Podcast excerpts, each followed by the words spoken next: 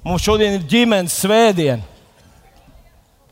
Un, protams, ģimene, mēs kādreiz saprotam, ģimene, nu, nu, ģimene tas tāds šaurs lokus.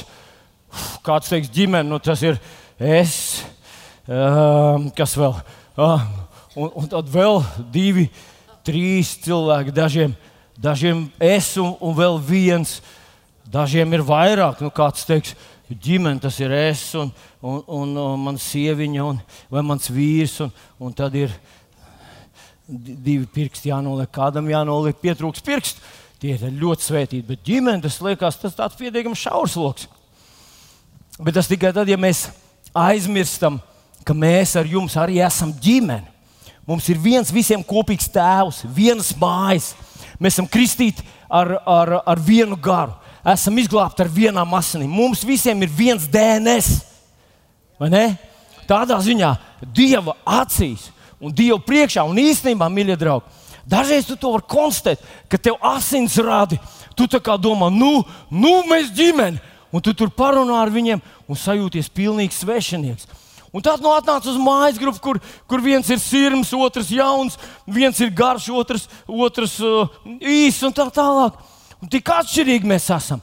Un pēkšņi tu sajūties ar viņiem, ka tevi kaut kas tik ļoti dziļi un personīgi vieno.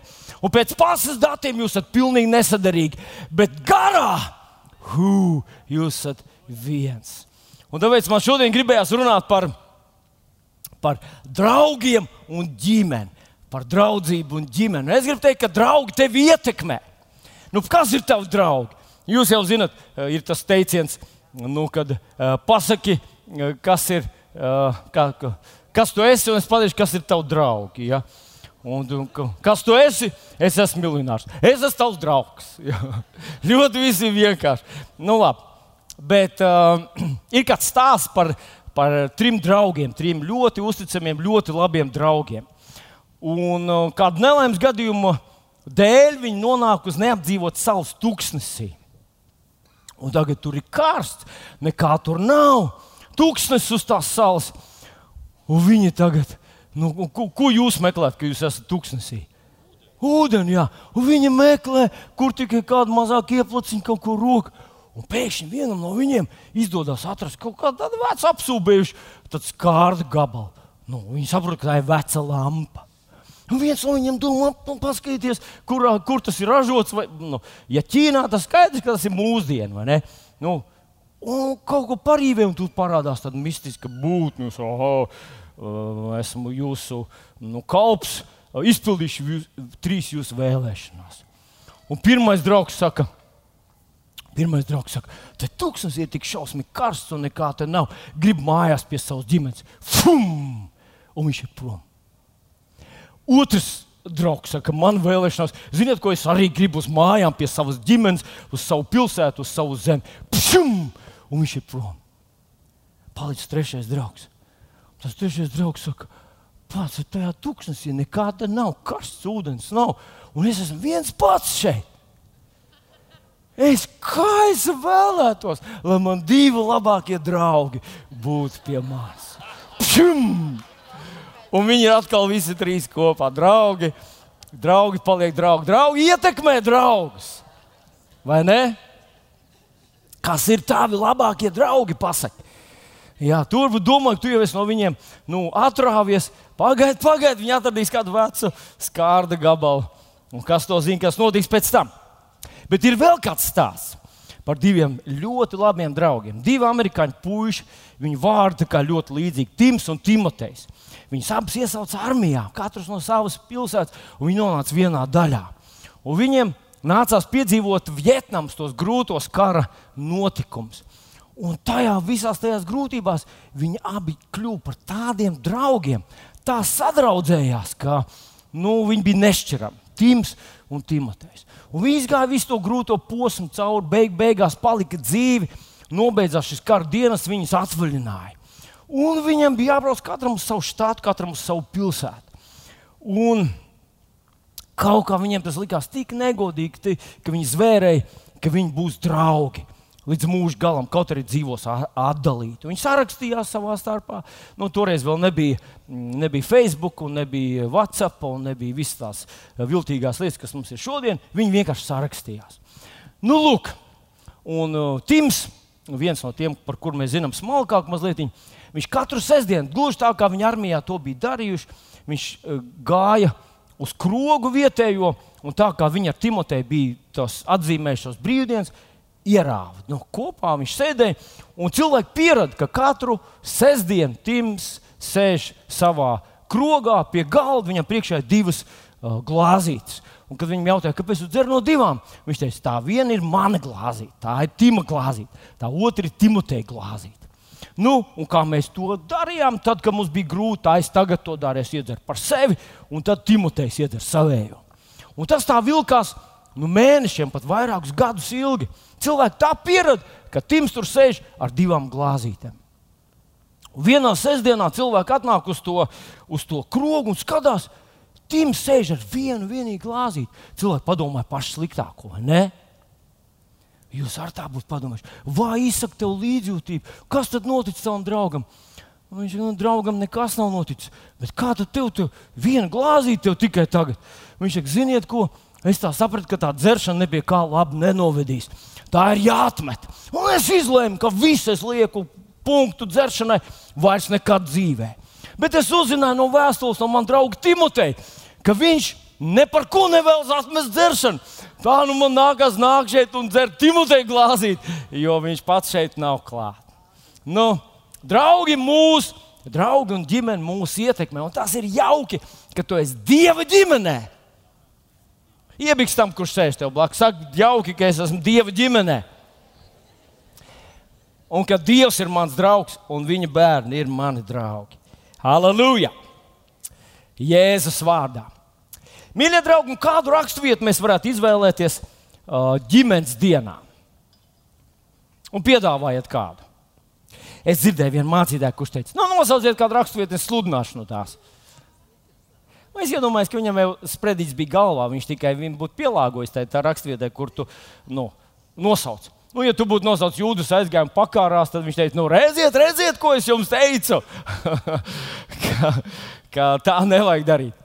Nu, bet, labi, es jums piedāvāšu raksturvietu, par cik nevar sagaidīt no jums atbildēt. Un tā ir Lūkas evanģelī 11. nodaļa. Tev ir līdz tev Bībelī, tas var lūdzu viņu vaļā Lūkas evanģelī 11. nodaļā. Un mēs lasīsim šeit no 5. līdz 13. pantam. Mēģināsim ātri tikt cauri. Jo diezgan daudz jau ir dzirdēts, dziesmas brīnišķīgas ir dzirdētas, nu, liecība ir dzirdēta, stāsts ir dzirdēts. Tikai lūdzu, lūdzu, neaizmirst tur, kur tu esi. Mēģini dot man iespēju izvest sevi cauri šim nelielajam stāstam. Un es esmu pārliecināts, ka tad, kad mēs nonāksim līdz beigām, tu būsi sajūsmā. Iebiks tam, kurš sēž tev blakus vai guļ tev blakus, saka, tu būsi sajūsmā. Nu, tā tad es lasu Lūkas evanģelijas 11. nodaļu no 5. panta. Lūkas 11. no 5. Un viņš sacīja, kuram jūsu starpā ir draugs? Ja viņš pie tā noietu nakts vidū un tam teiktu, mīļais, aizdod man trīs maizes, jo mans draugs no ceļa pie manis ir iegriezies, bet man nekā nav, ko viņam celt priekšā un tas no iekšpuses atbildētu un sacītu: neapgrūtini mani. Durvis ir jau aizslēgtas, un mani bērni ir jau pie manis gultā. Es nevaru celties un tev dot. Es jums saku, tālāk, 8. pantā, Jēzus vārdu. Ja arī viņš neceltos un nedotu tāpēc, ka tas ir viņa draugs, tad viņa neatlaidības dēļ tas celsies un dos viņam, cik tam vajag. Tā arī es jums saku, lūdziet, tad jums taps dots, meklējiet, tad jūs atradīsiet, klauvējiet, tad jums taps atvērts. Jo ir katrs, kas lūdz dabū, kas meklē, atrod, un tam, kas klauvē, tam atvērs. 11. pāns, vēl aizvien mēs lasām. Kur būtu kāds tēvs jūsu starpā, kas dod savam dēlam čūsku, kad tas lūdz zīvi, jeb skarpīju, kad tas lūdz olu? ja nu jūs, ļauni būdami, zināt dot saviem bērniem labas dāvanas, cik daudz vairāk jūsu debes tēvs no debesīm dos svēto garu tiem, kas viņu. Amen. Šajā vietā mēs arī pieturēsim un mēģināsim paskatīties, ko tad Jēzus. Es atgādāju, ka tie ir Jēzus vārdi, uzrakstīti Lūkas evanģēlijā, ko Jēzus mums grib pateikt. Nu, vispirms gribu uh, tādu akcentiņu uzlikt uz 8. pānta. 8. pāns skan tā, atgādināšu. Un nevis tātad 8. pāns skan tā, piedodiet, kur viņš ir 8. rekord. Es jums saku, ja arī viņš neceltos un nedotu tāpēc, ka tas ir viņa draugs, tad viņa neatlaidības dēļ tas celsies un dos viņam, cik tam vajag. Wow! Ja viņš arī neceltos un nedarītu tāpēc, ka tas ir viņa draugs, tā tad nevis tāpēc, ka mums ir kādas īpašas attiecības, bet tāpēc, ka tu esi Es tik neatlaidīgs, tu man krīt uz nerviem, tu bojā man nakts mieru. Es celšos un tev došu. Es esmu dzirdējis vismaz pāris sprediķus, kad mācītājs saka, ka Jēzus mums mēģina norādīt uz Dievu. Ka Dievam kaut kādā neizprotamā, mistiskā veidā ļoti patīk tāda neatlaidība. Un izriet tā, ka Viņš gandrīz mums neatbild tāpēc, ka mums ir kādas īpašas attiecības ar viņu. Bet viņš mums atbild tāpēc, ka mēs esam ļoti neatlaidīgi, ka mēs gribam panākt savu, ka mēs, mēs neatlaidīgi lūdzamies. Un, ja jūs atceraties slaveno Winstona Churchill uzrunu, kur viņš izteica, nu, tad, kad viņš bija savas karjeras apgājā, gandrīz vai jau, nu, kā, nu, jau tā noslēdzošā fāzē, viņš uzaicināja uz uz uh, vienu no universitātēm, lai viņš pasakā savu runu topošajiem, nu, spilgtiem cilvēkiem. Viņš iznāca un teica, tā nekad, nekad, nekad. Vēl pāris reizes viņš teica, nekad nepadodies. Un visi domāja, nu, tā laikam būs tāds virsraksts, Čērčils. Savas dzīves kvintessence tagad grib pateikt. Un viņš pasakā šo te teicienu, nekad. Nekad. Pasaki tam, kurš šeit tev blakus. Nekad. Nekad, nekad, nekad nepadodies. Un tāda sajūta, ka Jēzus mums cenšas šodien pateikt šajā raksturvietiņā, tu lūdz kaut ko Dievam. Nekad, nekad, nekad nepadodies. Lūdzu, lūdzu, lūdzu, lūdzu, lūdzu, lūdzu. lūdzu. Un varbūt viņš tev neatbildēs, tāpēc, ka tev ir kaut kādas īpašas attiecības ar viņu, tad tavas neatlaidības dēļ. Wow! Tavas neatlaidības dēļ viņš tev atbildēs. Wow! Ziniet, ko? Man kādreiz radās sajūta, ka tas ir tieši tas, ko Jēzus cenšas pateikt. Jo es esmu kādreiz Jēzum kaut ko lūdzis. Es esmu Dievam kaut ko lūdzis. Atceros, kā jauns kristietis, es kaut kādas lietiņas lūdzu, lūdzu, lūdzu. lūdzu. Bet sapratu, ka, ka man nav tik daudz neatlaidības, lai saņemtu no Dieva kaut ko. Jo Viņš gaida, lai es parādītu tādu neatlaidību, tādu neatlaidību, tādu neatlaidību. Un es ne par ko nepadodos, bet es tik ļoti uzstājos savā lūkšanā. Un tad beig, beigās viņš man atbildēs. Iespējams, ka jūs arī redzējāt, šajā nedēļā bija vienā no portāliem tāda ziņa no Everesta. Jūs zināt, ka Everests ir viena no pasaules augstākajām virsotnēm, bet ir izvērties tā, ka pasaulē tā ir kļuvusi par ļoti populāru ekskursiju vietu. Un cilvēki, nu, burtiski, nu, es neteikšu, nu, tūkstošiem, varbūt tas tā pārspīlēt teikt, bet ka cilvēki lielām grupām dodas uz Everestu un nosprauž sev mērķi uzkāpt Everesta virsotnē. Un šajā, šajā nedēļā līdz mums atnāca tā ziņa, kopā ar fotografiju, varbūt jūs viņu redzējāt, ka turpat no virsotnes, apmēram 50 metru uh, augstu, augstu kalnos, kur ir mūžīgā sasiluma zona, stāv milzīga rinda ar cilvēkiem. Un sastrēgums ir tik liels, ka stāvot tajā rindā, divi cilvēki nomira vēlēdamies sagaidīt to brīdi, kad beidzot viņi varēs uzkāpt tajā pašā virsotnītē un nofotografēties, uztaisīt selfiju un teikt, es tur biju. Un zinat ko? Dažkārt kristiešiem liekas, ka tas ir tieši tas, ko Jēzus šeit cenšas pateikt. Ka Dievu no Dieva sagaidīt atbildi ir tas pats, kas uzkāpt Everestā. Tā ir tāda neatlaidība, tā ir tāda nodošanās, tā ir tāda mērķtiecība. Tas ir tāds fokus, ka tu ej, tu ej un pat ja tu krīt, tu vienalga ej, jo tu gribi panākt rezultātu, tu nepadodies, tu ej uz priekšu, jo tu zini, ka Dievam ļoti, ļoti patīk neatlaidība. Un kaut kādā mistiskā veidā Dievam patīk neatlaidība. Es zinu, ka varbūt, varbūt jūs sakat, nu skaidrs, ka tā ir. Tā, zirgam ir skaidrs, ka Dievs uzreiz neko neatbild. Pareizi. Ir neatlaidīgi jālūdz. Zinat, ko es, es uh, atceros vienu tādu interesantu redzējumu, ko es redzēju vienā lielveikalā pie kasēm, kad māmiņa nāca ar bērnu. Un tas bērniņš Kaut ko viņš viņai tur stāstīja, kaut ko tas bērns viņai stāstīja. Viņš tur stāstīja, un es domāju, tā māte, nu, kurš teica, ka mātes sirds un mātes rokas. Tā māte augsts kā, kā Titaniks, brauca tajā savā virzienā, un tas bērniņš tur blakus, un tā, un šitā, un tur stāsta ar asarām, kuras būtu iežēlinājusi klinti. Māte neiežēlināja. Tad, kad viņi nonāca līdz kasei, un tas bērns saprata, ka viņa lūguma nenonāk līdz adresātam.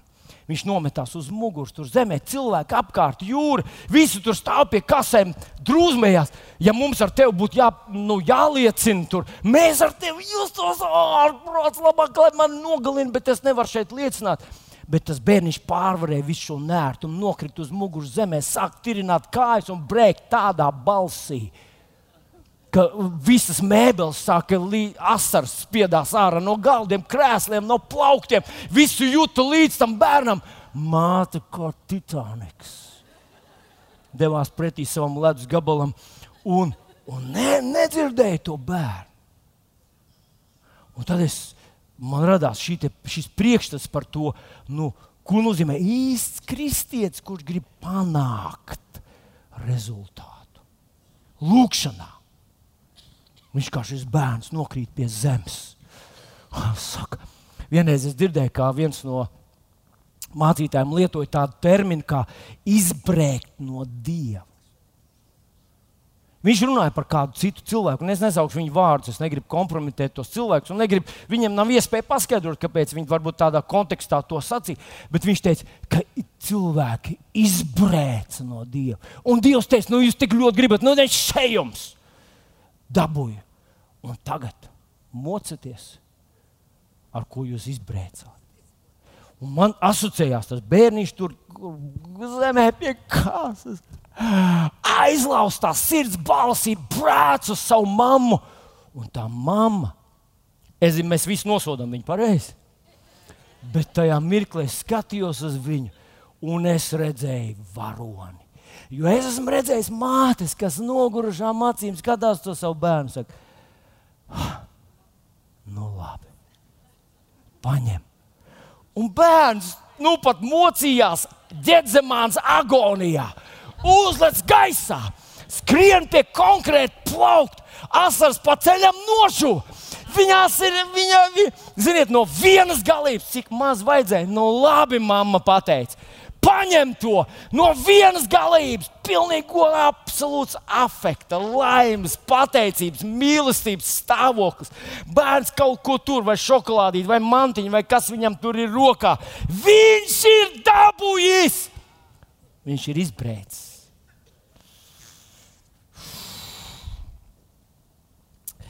Halleluja! Jūs zināt, man šķiet, ka kristieši paredzot to, ka no Dieva tādā veidā ir lietas jāsaņem vienkārši, vairs nelūdz. Jo liekas, tas ir tāds stikla kalns. No tūkstošiem tikai daži spēja tajā uzrāpties. Nu, paskatieties, nu, labi, tur sastrēgums uz Everest, bet nevienam no jums neienāca prātā šorīt, ka rīt jābrauc uz turieni pareizi. Kāpēc? Nu, jā, nu, daudz tur tiek, bet man nav tik daudz neatlaidības. Cilvēki nelūdz vairs Dievu, tāpēc, ka radies ir priekšstats, ka Jēzus runā par Dievu. Viņš, viņš jums neatbildēs, tāpēc, ka Tēvs, tāpēc, ka mīl, tāpēc, ka jūs esat viņam īpaši. Viņš atbildēs jums tad, ja jūs spēsiet izbrēkt no viņa lietas. Un es nebrīnos, ka nākamajā pantā Jēzus uzreiz saka, lūdziet! Kāpēc? Jo mums nav trīs dienas, lai izlūgtu kaut kādu lietiņu. Ja mēs dodamies ceļojumā, mums nav varbūt divas stundas, lai kaut ko izlūgtu. Un tad mēs, ah, nu kāda jēga tur tāpat atbildēt nesaņemsim. Jo Dievs taču viņam ir tik svarīgi, viņam Dievam ir tik svarīgi, ka, ka mēs to pierādām savu neatlaidību. Ļaujiet man pastāstīt vienu gadījumu, kas notika ar mani. Un es gribētu teikt, ka ir radusies tāda pilnīga tāda neatlaidības doktrīna. Ja, ka, būt, ja tu esi neatlaidīgs, tad tu kaut ko no Dieva dabūsi. Manā dzīvē vienreiz gadījās tāds gadījums, ka tas bija gan kādus, kādu gadu vai, vai varbūt pusotru atpakaļ. Vakarā, tas bija pēc 11. es braucu pa Čaku ielu un, un no centra puses uz mājām un uzbraucu augšā uz zemitāna tilta, un kaut kas notika manai mašīnai. Kaut kā viņa tā kā, prr, tā kā nolūza. Un es domāju, oh, oh, oh, kas paliek? Ko tu dari, kad nolūst mašīnu, tas piet gāzes pedāli? Nu, un, un, un, un viņi tā kā pamodās. Hm, es domāju, nu, amats ir rokā. Paspiet. To, to, ja jums kāds, kādam tas nepadodas, jūs varat man uzaicināt, es parādīšu, tā, kā, kā, kāda nu, tā ir tā. Nu, nu tā, kā tas jādara. Labi. Nu, lūk, un mašīna atdzīvojas, atkal brauc, un pēkšņi lejā no kalna atkal kaut kas bez sevis padomāja. No viņa nogurus laikam ir, nu, cik var visu dienu skriet, un tā, nu, atkal saraustījās kaut kas, bet es izmantoju to vēršu skubināmo metodi. Un viņi atkal atdzīvojās, un es domāju, ah, laikam, laikam kāds zirneklīts ieķēries kaut kur jāizpūš. Viņš, un es domāju, nu, par cik Nu, policijas daudz nebija tur apkārt. Es domāju, nu, parādi, kas tur ir iekšā zaķīt. Un viņa lika mazliet paskrieties tur pa. Kas tā pa ielu? Novārds, ko tur pa to ielu uz priekšu līdz mēbeļnam. Un pēkšņi neilgi pirms krustojuma ar mēbeļnam. Viss. Es, protams, ieslēdzu avārijas signālus, nobraucu malā. Domāju, nu, atpūties labi. Es nebūšu ļoti uzstājīgs, drusciņā atdziest un atpūties. Pagāja trīs minūtes. Jūs zināt, ko es daru? Es startēju, startēju, startēju. startēju. Nu, es zinu, ka startēt tas ir uh, augstākā pilotāža. Nu, domāju, lai, lai druskuļi vēl atpūšās. Acīm redzot, pārkarsos tur, ko tur, kas tur vēl. Nu, pastartēju kādu laiku, jūt jau lēnāk, jau vairs nav tā, bet domāju, pietiek. Ko tādā situācijā cilvēks dara? Ko dara uh, uh, sievas? Sievas man vīram. Mašīna apstājas šurp. Uh, es nevarēju zvanīt uh, sievai. Ja? Es zvanīju, izrādīt, mūsu draugs ir viens brālis, kurš ar mašīnām. Viņam ir hobijs, un, un, un viņam ir bērni un, un sieva, bet viņam vēl ģimenes loceklis ir mašīnas. Nu, lūk, un tad pēc 11. tas ir pēc 11. jau vakarā. Es zvanu, un es jūtos ļoti neveikli. Es jūtos ļoti ļauns un apgrūtinošs un tā tālāk. Un es zvanu Andrim. Andris, te ir mūsu vidū. Andri, ja es kaut ko kļūdos, tev būs iespēja iz, izlabot manas kļūdas. Lūdzu, ja es kaut ko pārsakos, tad lūdzu atvainojiet. Tas viss ir tikai, tikai mērķa labad, ne, ne lai tevi noliktu. Nu, lūk. Un mēs sākam runāt, un es viņam skaidroju, es esmu pie mēbeļiem, kā tas viss notika. Viņš man izprast. Un tad viņš man uzdod tādu dīvainu jautājumu. Un man nebija domu, ka viņš augstās domās par manām tehniskajām prasmēm. Bet šis jautājums bija zem jostas vietas. Un viņš man saka, tā Vilni, kad tu pēdējo reizi ielēji degvielu? Un tā vienkārši Es saku, ko tas nozīmē? Ja. Ko tu? Viņš tikai vienkārši dara savu darbu. Ja. Kad tu pēdējo reizi ielēji degvielu tajā mašīnā? Es jau biju gatavs tam jautājumam. Es teicu, es noskrūju vāciņu, pasmaržoju. Ir! Nu, Avārds, mums saruna bija diezgan gara. Beig, beigās Andris saka, es atbraukšu un tevi aizvilkšu uz servisu. Viņš atbrauca, tur pastaigājām ap divu apkārt, es parādīju visu, kur, kas un kā. Un viņš pieķēra man un aizvilka uz servisu. Tajā servisā vienkārši, lai jūs saprastu, ka tas nav joks, par ko es jums stāstu. Viņi ņēmās ar tā autiņu divas, divas vai varbūt vairāk dienas. Piepumpēja rezervsriepu, ielēja logu šķidrumu, nekādas dzīvības. Ne, ne, nekas nenotika. Beigās nomazgāja viņu. Nu, vismaz man likās, ka ir tīrāk. Saka, neko nezinu, nekas nestrādā. Beig, beigās ielēja degvielu viņai. Un mašīna atdzīvojās. Bet kāpēc es to stāstu? Es to stāstu jums tāpēc, ka man radās, kad lasot šo raksturību, man radās jautājums, kāpēc Andris atbrauca man palīdzīgā? Vai tas ir manas neatlaidības dēļ, vai viņš atbrauca man palīdzīgā tāpēc, ka es un viņš, ka mums ir kaut kādas īpašas attiecības. Un man radās tāds ļoti ļauns plāns, kuru par cik es esmu mācītājs, es ne, ne, nerealizēju, bet es jums izstāstīšu, kāds man bija nodoms. Man bija nodoms sarunāt kādu svešu cilvēku, aizbraukt tieši tādu pašu mašīnu, tieši tajā pašā diennakts stundā, nostāties tieši tajā pašā vietā un uzzvanīt Andrim. Un te, te ir tāda situācija, mašīna apstājās, atrodos tur un tur, pazīmes tādas un tādas, simptomi tādi, ko darām. Vajadzētu svešu telefonu, protams. protams. Nu, lūk, un tagad paklausieties, mīļie draugi. Iespējams, ka es esmu ne, nestandarts cilvēks, bet manī bija tāda sajūta. Ja Andris atbrauc, es viņam toreiz vēl jautāju, ko tavs sieviņa teiks, un bērni, ja viņš šeit nolikt ir gulēt, nu jau var. Es saku, ko tavs sieviņa teica? Teiks, viņa teiks, viņš tā nopūtās. Andri, piedod, varbūt tas bija vējš. Jā, jā. Viņš tā nopūtās un teica, sieviņa jau ir pieradusi. nu, lūk. Un tagad zvanas, iedomājieties, saruna ar Andriu, zvana svešs cilvēks. Svešs cilvēks saka, es stāvu te pie mēbeļa nama, ja mašīna apstājās un tā tālāk. Un, ja Andris teiktu, labi, Uzgaidiet 5 minūtes, es tūlīt būšu klāt, es jūs aizvilkšu.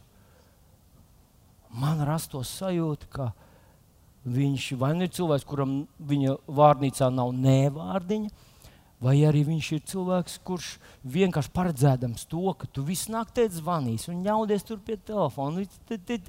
Vienkārši tavs neatlaidības dēļ aizbraukšu un izpalīdzēšu, lai miers. Bet, ja tas trešais pazvanītu un te halo, un Andris jautā, kas zvana, un te, te zvana Friedrichs, vai mēs esam pazīstami? Nē, neesam pazīstami. Op, Andris saka, vienu mirklīti, es tu pārslēgšu līniju. Čik, ieslēdzās auto atbildēt. Labrīt! Paldies, ka esat pazvanījis Andrim. Viņš jums ļoti labprāt atrisinās visas jūsu problēmas. Rīt no rīta, pulkstenis 9. tādā un tādā adresītē. Un nu pierakstiet auto evakuātoru numuru 568, 320, 52. Laimīgu ceļu! Pīp, pīp, pīp, pīp. Varbūt tas cilvēks dusmotos, bet manī tas būtu. Ha! Viņš man atbildēja, tāpēc, ka es esmu viņa draugs. Kā ir ar Dievu? Kā ir ar Dievu? Vai varētu būt tā, ka mēs pieņemam šo doktrīnu par to, ka Dievam no mums vajag, lai mēs dodamies tūkstnesī, lai mēs veltamies lūgšanā, mēs atsakāmies no visa, kā lūdzam, lūdzam, lūdzam, lūdzam, un lūdzam. Un tad man nāk priekšā Simpsons, mm, Simpsons un Dalila. Jūs atceraties, kā Dalila panāca to, lai Simpsons izstāsta viņai savu noslēpumu? Ar neatlaidību. Tur rakstīts, ka viņa viņam tā apnika, viņa viņu tā nomocīja.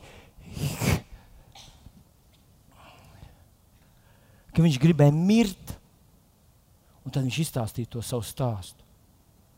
Es atceros, Elīzes laikā tie bāli priesteri staigāja apkārt visu dienu, graizīja sevi, kliboja, tur savainoja sevi tā, tik neatlaidīgi viņi sauc uz savu bālu. Vai tiešām tas liktos simpātisks dievam? Pajautā tam, kurš teiks, blakus, vai tiešām Dievs atbild neatlaidības dēļ. Un tad radās man vēl viens jautājums, mīļie draugi.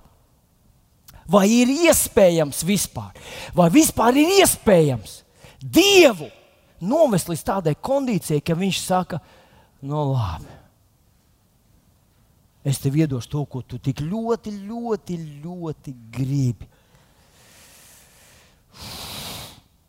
Jēzus grāmatā 40. nodaļā paklausties, kāda ir uzrakstīta uh, vārdi. Jēzus grāmatā 40. nodaļā. Vai jau kādreiz ir bijis tāds notikums, ka kāds dievam ir mācījis viņa ceļu?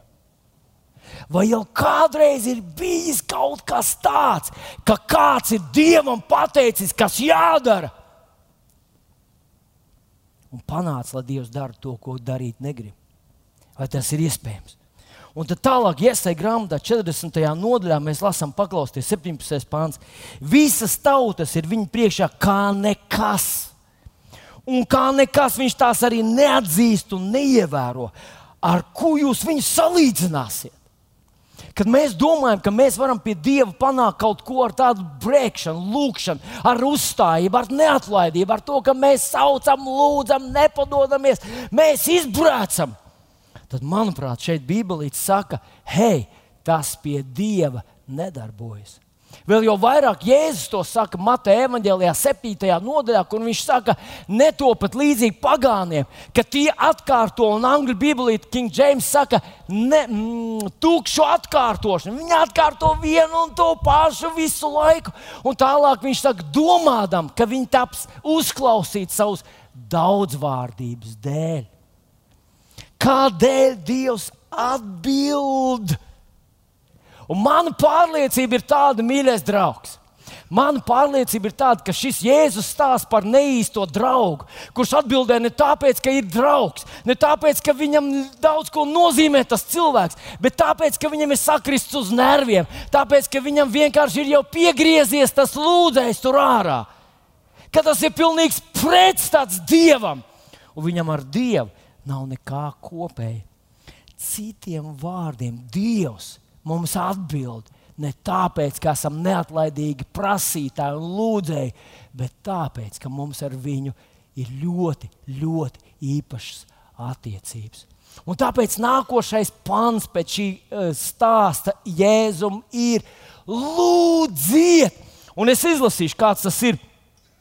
Tas ir 9, 10 pāns, kur Jēzus saka, lūdziet, tad jums taps dots, meklējiet, tad jūs atradīsiet, klauvējiet, tad jums taps atvērts. Jo katrs, kas lūdz, dabū, kas meklē, atrod, un kas klauvē, tam tiek atvērts. Vai tu dzirdēji? Katrs, kas lūdz, dabū.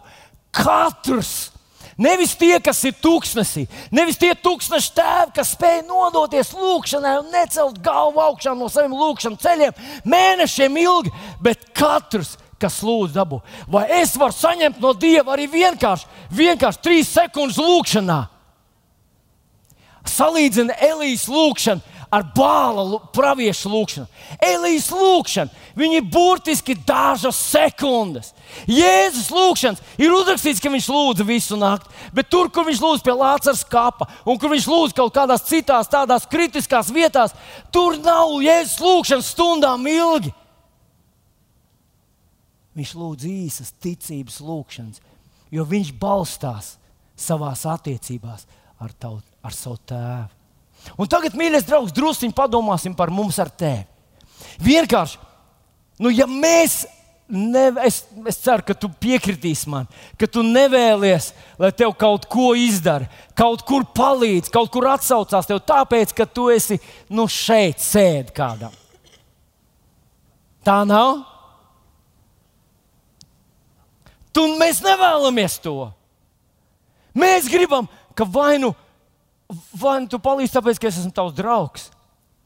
Vai ja es tevi tik ļoti apgrūtinu, tik ļoti tevi esmu nospiedis un, un, un tā tālāk, es negribu no tevis labāk.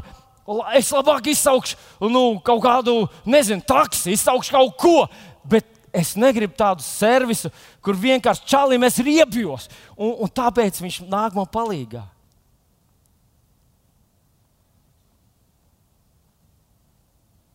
Vai tā ir vai nav? Un tagad paklausieties. Ja Dievs mums atbild, tāpēc, ka ir mūsu draugs un ģimene, kā ir ar mums? Jūs zināt, manuprāt, šis pāns mums saka, ka pie cilvēkiem tas darbojas ka pie cilvēka nu, var kādam sakrist uz nerviem tā, ka viņš kā kādā citā rakstvietiņā viņš stāsta par kādu netaisnu tiesnesi, ka tā atraitni gāja un prasīja un prasīja un prasīja, ka tiem jau, nu, viņš jau naktī viņa redzēja sapnī, viņš teica, ne jāizdara, tad pats netiek no viņas vaļā vairs. Pie Dieva tas nedarbojas. Bet, kad Dievs uzrunā tevi, kāpēc tu viņam atbildi? Es esmu pārliecināts, ka Dievs var panākt pašu ļaunākā bezdievi sadarbību. Ja viņš viņam pilinās, un pilinās, un pilinās, un pilinās, un pilinās, cilvēks atbildēs. Bet kā ir ar mums, ar tevi? Mēs esam Dieva draugi. Mēs ar tevi sevi saucam par Dieva draugiem. Vai viņam ir jāpilina, un jāpilina, un jāpilina, un jāpilina, un jāpilina, lai mēs ar tevi kaut ko izdarītu? Vai viņam jāpilina, lai mēs piedotu? Vai viņam ir jāpilina, lai mēs beidzot kļūtu par atklātiem, redzamiem, pamanāmiem Kristus mācekļiem un lieciniekiem? Vai viņam ir jāpilina, lai tu un es padalītos ar savu mīlestību? Un tad es iedomājos, mūsu ģimenes locekļi. Dažreiz viņi uzskata, ka mēs viņiem izrādām savu pieķeršanos un mīlestību tikai tāpēc, ka viņi to ir pieprasījuši, pieprasījuši, pieprasījuši. pieprasījuši Un mēs atbildam vienkārši tāpēc, ka esam noguruši no tās prasīšanas. Man nebūtu jābūt tā, ka mūsu ģimenes locekļi, mūsu mīļie, mans dzīves draugs, piemēram, Un es iespējams, ka nemaz neesmu piemērs tajā. Man šī raksturvieta lika domāt par to, hei, ja tas ir tāpēc, ka es tādu esmu apnikusi, tad man to nevajag. Man vismaz tāda sajūta ir, ka, ja es, nu, ja es tev piespiedu to izdarīt, tad es to negribu. Es gribu, lai tu parādi savu mīlestību pret maniem, tāpēc, ka esmu īpašs. Tev. Es saprotu, ka man ir kaut kas jālabo tajā visā. Kā ir ar tevi? Kā ir ar tavu dzīves draugu? Vai viņš zina, ka tu atbildi, ka tu reaģē, ka tu kaut ko rīkojies tāpēc, ka viņš tev ir īpašs, nevis tāpēc, ka tev ir piegriezies tā pilināšana, prasīšana un atgādināšana. Šodien ģimenes diena, labs laiks, lai atcerētos. Jo mēs visi gribam, visi mēs vēlamies būt īpaši kādam. Dārgi, svarīgi. Un, manuprāt, tā atziņa par to, ka mēs Dievu nevaram izmainīt, tā atziņa ir ļoti, ļoti jauka. Dievs atbildēs mums, tāpēc, ka vēlas to izdarīt, jo mēs esam viņa acīs ļoti dārgi. Un tagad paskatieties, kā apelsīns Jānis to raksta 1. Jāņa vēstulē, 5. nodaļā, 14. pāns. Viņš ir vienkārši ultimāts. Viņš ir vienkārši sagrauj jebkuru priekšstatu par to, ka no Dieva ir kaut kas jāizbrēc, jāizlūdzas, ka vajag izziņot gavēņu mēnesi, lai saņemtu no Dieva savu atbildi. Jo Dievs atbild ne tāpēc, ka neatlaidīgi, bet tāpēc, ka viņam ar tevi ir ļoti īpašas attiecības. 1. Jāņa 5, 14, 15. Paklausieties, kas tur rakstīts. Uz ekrāna es uzliku šo tekstu ar nelielu labojumu. Es paņēmu to no King James, jo tajā vietā, kur ir tas iekrāsoties vārdiņš dzird, latviešu revidētajā Bībelē ir lietots vārdiņš klausa. Bet King Jamesā vai Karaļa Jēkabā tulkojumā vārdiņš dzird. Un tur ir paklausies kāds teksts. Un šī paļāvība mums ir uz viņu, ka viņš dzird mūs, ja ko lūdzam pēc viņa prāta. Tas nozīmē, ja nelūdzam pēc viņa prāta, vai Jānis mums cenšas pateikt, Dievs vispār nedzird brēkšanu. Tur krist pie kases zemē, tur klapēt ar savām kājām, to raudāt, to asaras birdināt kā pupus uz visām pusēm. Ja tev nav ar viņu īpašas attiecības, iespējams, ka Dievs vispār nedzird tavu lūgšanu. Viņu tas neuztrauc. Pilnīgi cik gribi, tas iet garām. Bet, ja mums ar viņu ir attiecības, un šeit viņš runā par to, ja mēs pēc viņa prāta lūdzam, mēs visi zinām, kur var redzēt viņa prātu. Kur var redzēt viņa prātu? Viņa vārdā. Viņš ir uzrakstījis, ko viņš grib, kāds ir viņa nodoms par mums. Un viņš saka, Jānis turpina rakstīt, ja zinām, ka viņš mūs dzird, tad zinām, kā saņemam halleluja. Saka, halleluja! Ja viņš mūs dzird, tad mēs saņemam. Tātad Jēzus mums nesaka, lūdziet, un daži dabū. Lūdziet, neatlaidīgi, un tad varbūt kādam no jums palēmēsies. Jūs nonāksiet Everest virsotnē, ja nenomirsiet pa ceļam. Viņš saka, lūdziet, jo ik viens, kas lūdz, dabū. Vilni, tu man varbūt teiksi, Vilni. Bet es lūdzu, un Un tā negribās visam priekšā tā sacīt, bet es nedabūju.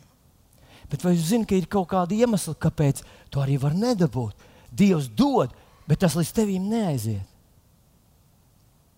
Efeziešiem 3.20 rakstīts, ka Dievam, kurš ar savu spēku darbodamies mūsos, spēj darīt neizmērojami vairāk par visu, ko lūdzam vai nojaušam, bet tā darbošanās notiek caur mums. Un ļoti spilgts piemērs tam ir Daniela grāmata, desmitā nodaļa, kur Daniels sāk saukt uz Dievu. Viņš grib izprast to, ko tad raksta saka. Un pēc 21 dienas viņš ir lūkšanā un tādā daļējā gavēnī. Pēc 21 dienas pie viņa atnāk eņģelis ar atbildi un saka viņam sekojošos vārdus. Pirmajā dienā, kad tu lūdzi uz Dievu, es tiku sūtīts pie tevis. Bet ienaidnieks man aizkavēja 21 dienu. Ja viņš būtu pēc piecām dienām atmetis ar roku, laikam nav dieva laiks, laikam man nav tik daudz neatlaidības, laikam Dievs negrib man atbildēt, laikam pie Dieva var panākt kaut ko tikai ar neatlaidību. Ja viņš būtu atmetis ar roku, viņš nebūtu sagaidījis savu vēstuli pie viņa, kas viņam izskaidro visu to situāciju. Un es ar to gribu teikt, ka dažreiz vēlams var aizkavēt lietas, un var aizkavēt viņa zināmu laiku. Ir kaut kādi citi iemesli, varbūt, bet iemesls, kāpēc tu nesaņem, nekad nav tas, ka Dievs tev to nevēlējās dot vai nav iedevis. Man tas nozīmē ļoti, ļoti daudz. Dievs dod katram lūdzējam. Katrs, kurš lūdz, dabū. Un, un tad pēdējais, mēs strauji tuvojamies noslēgumam, un es gribētu, lai tu mazliet vēl pasako man līdzi. Jēzus nobeidz ar tādiem vārdiem. Paklausies, tas ir trešais punkts. Dievs ir gādīgāks par labāko tēti. Paklausieties, kur būtu kāds tēvs jūsu starpā, kas dod savam dēlam čūsku, kad tas lūdz dzīvi. Jeb skarpīgi, ka tas lūdz olu, ja nu jūs ļauni būdam, zināt saviem bērniem dot labas dāvanas, cik daudz vairāk jūs debes tēvs dos svēto garu tiem, kas viņu lūdz. Ja jūs ļauni būdam, dodat, bērns prasa maizi. Mateja evanģēlijā, 7. nodaļā, kur Mateja apraksta šo pašu notikumu, viņš jau pievieno zivī un nolai, viņš pievieno maizi. Maizi mēs zinām, ka tā simbolizē Dieva vārdu. Zivs simbolizē ēdienu, vispār to, kas mums vajadzīgs fizioloģiski, lai mēs šajā pasaulē dzīvotu. Ola, ko simbolizē ola? Pajautājiet katoļiem, viņi teiks, olu simbolizē dzīvību, vai dienu, olā tur iekšā, tur ir dzīvība, tur viss, viss kas vajadzīgs, tas tur ir iekšā. Nu, lūk, manuprāt, manuprāt, tas saka, ka, ja tu savam bērnam dod maizīt, kad viņš lūdz maizīt, tu dod maizīt, kad viņš lūdz zīvi, kad viņš grib ēst, tu dod viņam ēdienu, kad viņam kaut ko vajag viņa dzīvei. Hei, tu rūpējies par saviem bērniem! Un šeit man ļoti ļoti šokējoši. Es nonācu pie atklāsmes, kuru es zināju, vērojot savu meitiņu nu, ilgākā laika posmā. Mūsu meitiņa Kitija vēl nebija apprecējusies. Viņai pat nebija vēl puika, par ko mēs zinātu, ka viņai tādas stabilas attiecības ar viņu. Ka viņa jau, kad iegāja bērnu veikaliņā, viņa meklēja bērnu lietiņas un pirka mazas, mazas tos rāpulīšus, mazas jaciņas un cepurītes. Un viņas ar mammu apziņā skatījās, ki, ki, ki, ki, ki, ki. vai kas skaists, vai kas skaists. Es teicu, metīju, halo, vispirms varbūt atrod līgavainu vispirms. Un tad sāc domāt par bērnu lietiņām. Bet, zinot, es skatos uz Bībeli, un es skatos, ka pirms Dievs nolika cilvēku ēdienas dārzā, Dievs jau iepriekš sagatavoja dārzu. Dievs ir Dievs, kurš iepriekš sagatavo lietas. Dievs ir Dievs, kurš nodrošina tās tavas vajadzības, pirms tev tās ir parādījušās. Un es zinu, ka lielākā daļa vēl bērns nav piedzimis, vēl bērns ir mācīts punkti, vēl nezinu īsti vai puisis vai meitnīt, bet mēs nopērkam šito krāsu, šito krāsu, šitā krāsa der abiem. Kāpēc? Viņi, viņos ir iekšā tā no dieva ieliktā tā vēlme Mūsu bērnam to vajadzēs. Mēs gribam būt gatavi, kad viņam to vajadzēs. Rekur tas ir. Un tieši tāds ir tavs Dievs. Mīļais draugs, ļauj man pateikt, ka pirms tev parādījās vajadzība, pirms tavā dzīvē parādījās problēma, Dievs jau sagatavoja pamperi, Dievs jau sagatavoja rāpulīti, sagatavoja cepurīti, sagatavoja palaziņu, sagatavoja cep, uh, uh, knupīti un vēl visas citas lietas. Un mitrās salvetes. Halleluja! Kāpēc? Jo tu Dievam esi ļoti, ļoti dārgs. Ne tavs neatlaidības dēļ, ne tavs brēkšanas, raudāšanas, ne tāpēc, ka tu kaut ko gribi panākt no viņa, bet tāpēc, ka viņš tev tik ļoti, ļoti, ļoti mīl. Halleluja! Ah, mīļais draugs! Un tas pats, pats spēcīgākais. Uznāc, Edvards, kas mums šodien ir? Ah, jā, uznāc, lūdzu, augšā, Anželika. Uf un tas pats, pats spēcīgākais. Atcerieties, ar ko beidzās šī rakstvieta. Ja nu jūs ļauni būdam, protams, saviem bērniem dot labas dāvanas, cik daudz vairāk jūs debes Tēvs dos svēto garu tiem, kas viņu lūdz. Vienlaikus, kad es domāju, svētais gars, tas ir brīnišķīgs svētais gars, tas, kas enerģizē mūs, kas dod mums iespēju lūgt garā. Un lūkšana garā ir tāda bagātība. Tāda bagātība, es to nepārdotu. Es, es, ne, es nevaru iedomāties, nevaru iedomāties naudas summu, pret ko es samainītu lūkšanu garā. Es nevaru iedomāties. Jo tā ir tāda bagātība. Nu, piemēram, Jūdas vēstulē 20. un 21. pāns saka, tad nu, jūs mīļoties, stiprinādamies visvētākajā, visvētākajā ticībā, lūdziet Dievu svētajā garā un pasargāt sevi Dieva mīlestībā. Es neredzu, nevienu. Vladislav, tā nav tā meitiņa. Kam, kam tā meitiņa tur blakus sēž? Paņem savu meitiņu, atnāc, lūdzu, ja tu drīkst, ja, ja, ja tas ir iespējams. Atnāc, lūdzu. Mm, paklausieties, ko viņš saka. Vispirms lūdzot garā, tu uztaisies savā visvētākajā ticībā. Bet tad viņš saka, ka tu lūdz garā. Viņš saka, tu tiec pasargāts Dieva mīlestībā. Atcerieties, vienreiz, oh, piedod, es eh, neredzēju, ka tā tu esi, bet nekas, panāc. Pa, nē, nē, tu der, tu ļoti labi der. Paņem uz rociņām savu bērnu un apskauj viņu tā, kā mamma apskauj, kad, kad mierina bērnu. Paskatieties, atcerieties, bija Kitija vienreiz. Es arī rādīju, ko bērns dara, kad viņš sasitās, viņam kaut kas notiek, ko viņš skrien. Viņš skrien pie mammas un viņš gaida šo te. Un citreiz viņš vēl raud, bet mēs zinām, ka dziedināšanas process ir sācies.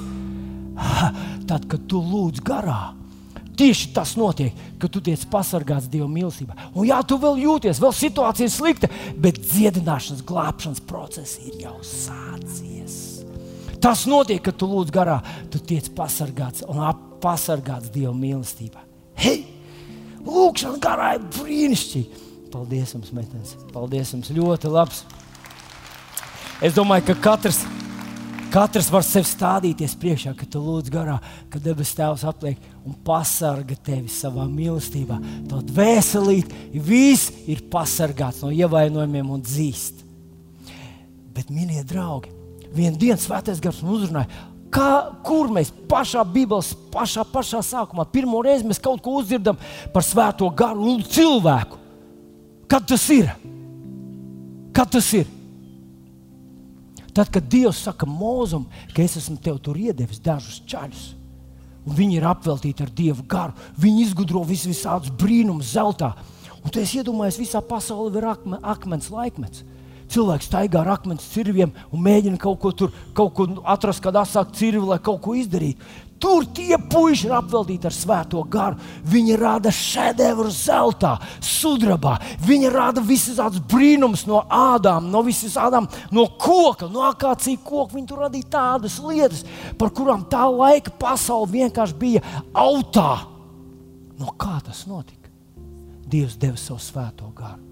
Ir svētā gara svaidījums biznesam, ir svētā gara svaidījums sportam, ir svētā gara svaidījums salabot mašīnu, ir svētā gara svaidījums izkopt, sakopt māju. Tu to neesi jūtis kādreiz, tu tā kā plakste guli un pēc mirkļa pum! Kas tas ir? Es iedzēru kafiju, nemelo! Nemelo! Tavu kafiju drīzāk noņēma tev enerģiju, bet Dievs dod savu svēto garu, enerģiju, rakstīt dziesmas. Dievs dod svēto garu, izdomāt ne, ne, mm, uh, ne, neatrisināmas lietas, atrisināt.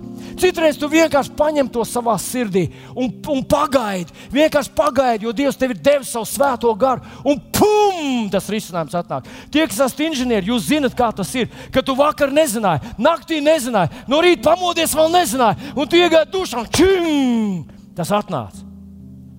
Cik daudz vairāk Dievs dod svēto garu tiem, kas viņu lūdz. Un tas nav tikai runāt mēlēs, tas nav tikai pravietot un gardā. Tas nozīmē, ka tu vari būt veiksmīgs visur, kur tu esi. Tu vari būt iet tur, kur tev jāiet. Tu vari būt veiksmīgs, tu vari iet no pakāpiena uz pakāpienu, jo Dievs dod savu svēto garu tev, kā savam bērnam. Ne neatlaidības dēļ, ne tāpēc, ka tu izbrēc, ne tāpēc, ka tu esi tāds tukšs tētis, bet tāpēc, ka viņš tev mīl kā savu bērnu, un tu esi viņa ģimene un tu esi viņa draugs. Es zinu, ka var nerādīt viņa pēdējo rakstījumu, bet tā ir vienkārši kā punkts uz īņa. Otrā pētera vēstule, pirmā nodaļa, trešais pāns. Mums jau viņa dievišķais spēks ir dāvinājis. Ir dāvinājis viss, kas vajadzīgs, lai dzīvotu un kalpotu Dievam, tā atziņā. Un te ir tās noslēpums, tā atziņā, kā tu pazīsti savu Dievu ja priekš tevis viņš ir stikla kalnā, augsts, ne, neaizsniedzams, un neuzvarams un neuzrunājams, tā tas arī būs. Bet, ja tu redz viņu kā savu draugu un tēti, kuram vienkārši vajag pateikt, tēti, man, es pateicos, ka kā bērns es varu saņemt savu dziedināšanu. Es varu saņemt savu palīdzību savā darbvietā. Es varu saņemt savu atbildi tur, kur man pašam atbildes nav. Es pateicos par atbildi. Es pateicos par svēto garu izdarīt to, ko es pats nevaru izdarīt. Tēvs, es pateicos tev. Tu esi labs, dāsns Dievs. Tas ir tavs. Tas ir tavs. Piecelsimies kājās. Mūsu mīļais debes Tēvs, no visas sirds es tev pateicos par šo ģimenes mēnesi. Es pateicos par cilvēkiem, kas mums ir blakus par cilvēkiem, kuri mums ir īpaši. Pasaka līdzi ar mani. Saka, kungs, paldies tev par cilvēkiem, kas man ir īpaši. Un es gribu atbildēt viņiem. Es gribu uh, komunicēt ar viņiem, lai viņi zinātu, ka viņi man ir īpaši. Un nevis neatlaidības dēļ. Tēvs Dievs, paldies par draugu par vietu, kur es esmu, kur piederu, kur esmu īpašs, kur ir mana, mana ģimene, tavi dēli un meitas. Paldies tev par viņiem! Paldies, tev, ka es varu saņemt to, ko man vajag, jo esmu īpašs citiem cilvēkiem. Es esmu īpašs. Es esmu īpašs. Tu man par tādu padarīji. Savā ģimenē es esmu īpašs. Un paldies Tev, ka no Tevis saņem tavu atbildi un palīdzību. Jo es esmu īpašs Tev. Es esmu Tavs dēls. Pēc status. Halleluja! Paldies Tev! Paldies Tev! Paldies Tev! Paldies Tev, labais, dāsnais, pieejamais debesu tēti! Paldies Tev par dziedināšanu šajā rītā. Mēs to saņemam. Mums tā nav jāizbrēc, mums nav, nav jādodas tūkstnesī, lai saņemtu atbildi no sava Dieva. Un mēs zinām, ka dažreiz ir vajadzīgs laiks, lai tas realizētos. Bet mēs zinām, ka no tevis tā iznāca ārā tajā pašā dienā, kad lūdzām. Paldies, Tev, Kungs!